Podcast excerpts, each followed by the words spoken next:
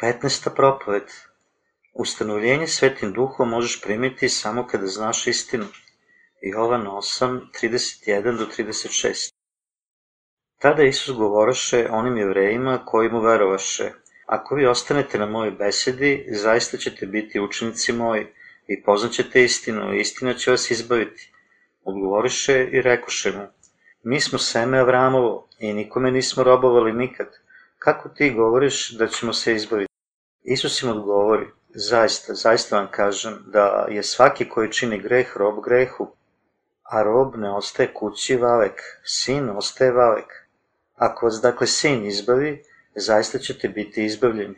Da li znate šta je istina? Isus je rekao, ja sam istina, Jovan 14.6. Stoga poznanje Isusa je znanje istine.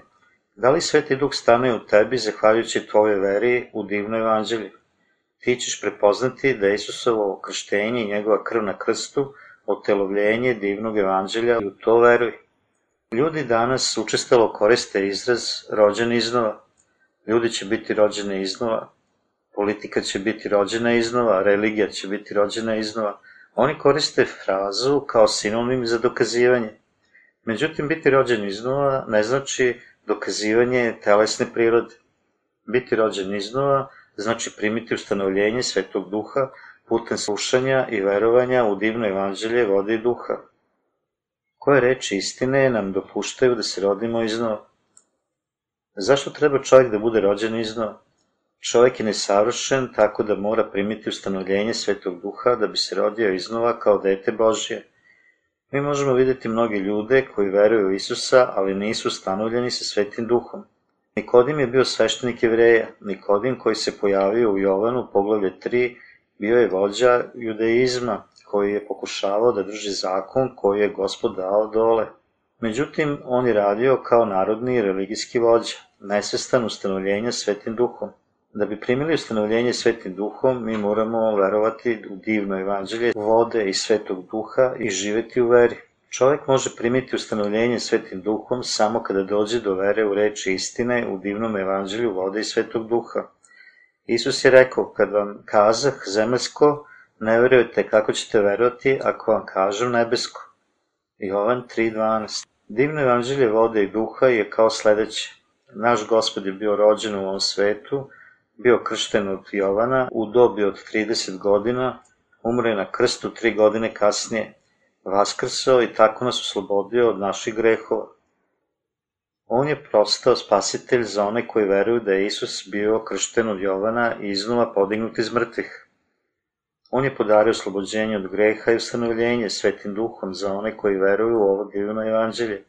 Oni koji dalje imaju greh u svojim srcima moraju se oprostiti od grehova verom u Isusovo krštenje i njegovu krv. Čovjek ne može da ne čini grehove pred Bogom i stoga mora biti spašen prihvatanjem Isusa za svog spasitelja. Isus je oprao sve grehe sveta divnim evanđeljem vode i duha. Svi grešnici se mogu spasiti slušajući i verujući u divno evanđelje vode i duha. Oni koji veruju u ovo divno evanđelje, blaženi su ustanovljenjem svetog duha. I kao što Mojsije podiže zmiju u pustinji, tako treba sin čoveči da se podigne. Jovan 3.14 U starom zavetu čak i ako bi ljudi iz Izrela počinuli greh, ujela bi ih vatrena zmija u pustinji i umrla bi beznadežno. Mnogima je pošlo za rukom da žive ako bi pogledali bronzanu zmiju postavljenu na stup.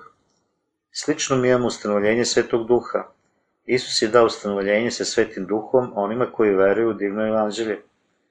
Satana nas sprečava da saznamo za divno evanđelje vode i duha i pokušava da nas blokira u primanju duha istine.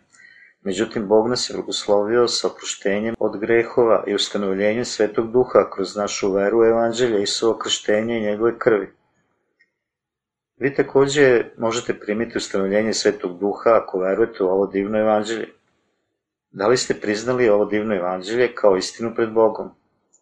Da li verujete da ste sposobni da primite ustanovljenje sa Svetim Duhom, verom u ovo istinsko evanđelje? Gospod nam je rekao da upoznamo istinu koja će nas spasiti od svih naših grehova. I poznaćete istinu i istina će vas izbaviti. Jovan 8.32 Da li znate istinu divnog evanđelja koja nas je spasila i blagoslovila nas za ustanovljenje Svetog Duha? Ako primite ovo evanđelje, vi ćete sigurno primiti ustanovljenje Svetog Duha.